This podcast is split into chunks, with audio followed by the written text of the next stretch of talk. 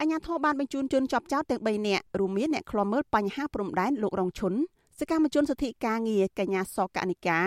និងអ្នកគាំទ្រគណៈបកសង្គ្រោះជាតិលោកតុននិមលចូលតតាំងក្តីនៅក្នុងសវនាការមេធាវីការពារក្តីឲ្យជនជាប់ចោតលោកឡាវជុនធីប្រាប់អាស៊ីសេរីនៅរសៀលថ្ងៃទី3ខែកុម្ភៈថា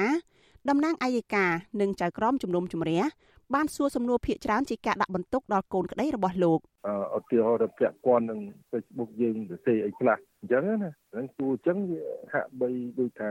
យើងទៅសេអីយើង share អីអញ្ចឹងអាហ្នឹងដូចជាលក្ខខណ្ឌមួយដែលហៅថាបន្ទុកហើយហ្នឹងណាបាទអាហ្នឹងវាពិបាកកន្លែងហ្នឹងថាយើងបែងចែកថាចော့ដូចចង់ឲ្យគេសួរដោះសួរមិនអាហ្នឹងវាពិបាកបន្តិចបាទ មន្ត្រីទូតមន្ត្រីអង្គការសង្គមស៊ីវិលនិងអ្នកគាំទ្រអ្នកជាប់ឃុំប្រមាណ20នាក់បានចូលរួមតាមដានសវនកម្មនៅថ្ងៃនេះសមាជិកសមាគមគ្រូបង្រៀនកម្ពុជាឯករាជ្យលោកអែមប៊ុនរិទ្ធដែលបានចូលរួមស្ដាប់សវនកម្មនេះក៏សម្គាល់ថា អង្គជំនុំជម្រះសួរសំណួរជនជាប់ចោតស៊ីសង្វាក់គ្នាហាក់ដូចជាមានការត្រៀមទុកជាមុនគ្រូបង្រៀនវ័យ35ឆ្នាំរូបនេះបន្ថែមថាពេលខ្លះជនជាប់ចោត ឡើងឆ្លើយសំណួរមិនទាន់ចប់សេចក្តីផងត្រូវបានចៅក្រមបង្អាក់ពួកគាត់ឲ្យឈប់និយាយក៏មាន។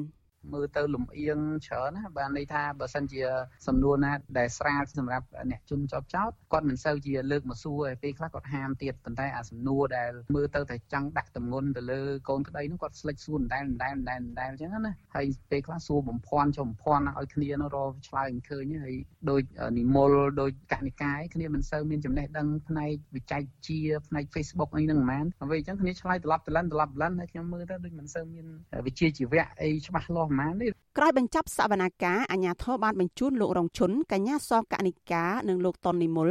ទៅឃុំខ្លួននៅពន្ធនាគារព្រៃសរភ្លាមភ្លាមតុលាការក្រុងជំរះក្តីលើសំណុំរឿងរបស់អ្នកទាំង3នៅថ្ងៃទី17ខែកុម្ភៈបន្តទៀត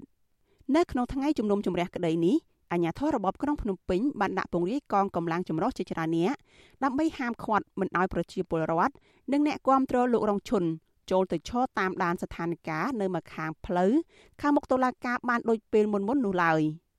តកតងបញ្ហានេះអ្នកនាំពាក្យអគ្គស្នងការនគរបាលជាតិលោកឆៃកឹមខឿនប្រាប់អាស៊ីសេរីថាអញ្ញាធរដាក់កងកម្លាំងការពារសន្តិសុខស្នាប់ធ្នាប់ដើម្បីសម្រួលដល់ដំណើរការក្តីរបស់តុលាការនឹងសមត្ថកិច្ចពាក់ព័ន្ធគេអនុវត្តទៅតាមរបបបញ្ជាទេណាបើមានបញ្ជានៅអង្គសាវនកម្មឲ្យចំសម្រាប់ធ្នាប់គឺចំសម្រាប់ធ្នាប់ទី1ទី2 នៅឆ្ងាយនៅកន្លែងលោកមានឡើងថាទីក្រុងភ្នំពេញមានដឹងនៅអង្គសាវនាការនៅកន្លែងតឡាការនោះវាមនុស្សវាវាវាត្រូវការមនុស្សរៀបចំសម្រាប់ឲ្យបានច្បាស់លាស់ទេទោះជាយ៉ាងណាអ្នកនាំពាក្យសមាគមការពារសិទ្ធិមនុស្សអាត់6លោកសឹងសែនករណាយល់ថាប្រជាពលរដ្ឋចូលរួមតាមឃ្លាំមើលដំណើរការក្តីនៅខាងមុខតុលាការគឺជាសិទ្ធិសេរីភាពរបស់ពលរដ្ឋដោយស្របច្បាប់ មន្ត្រីសង្គមស៊ីវិលរូបនេះចាត់ទុកវិធានការរបស់អាជ្ញាធរនេះថាជាការដើរចាកឆ្ងាយពីគន្លងប្រជាធិបតេយ្យ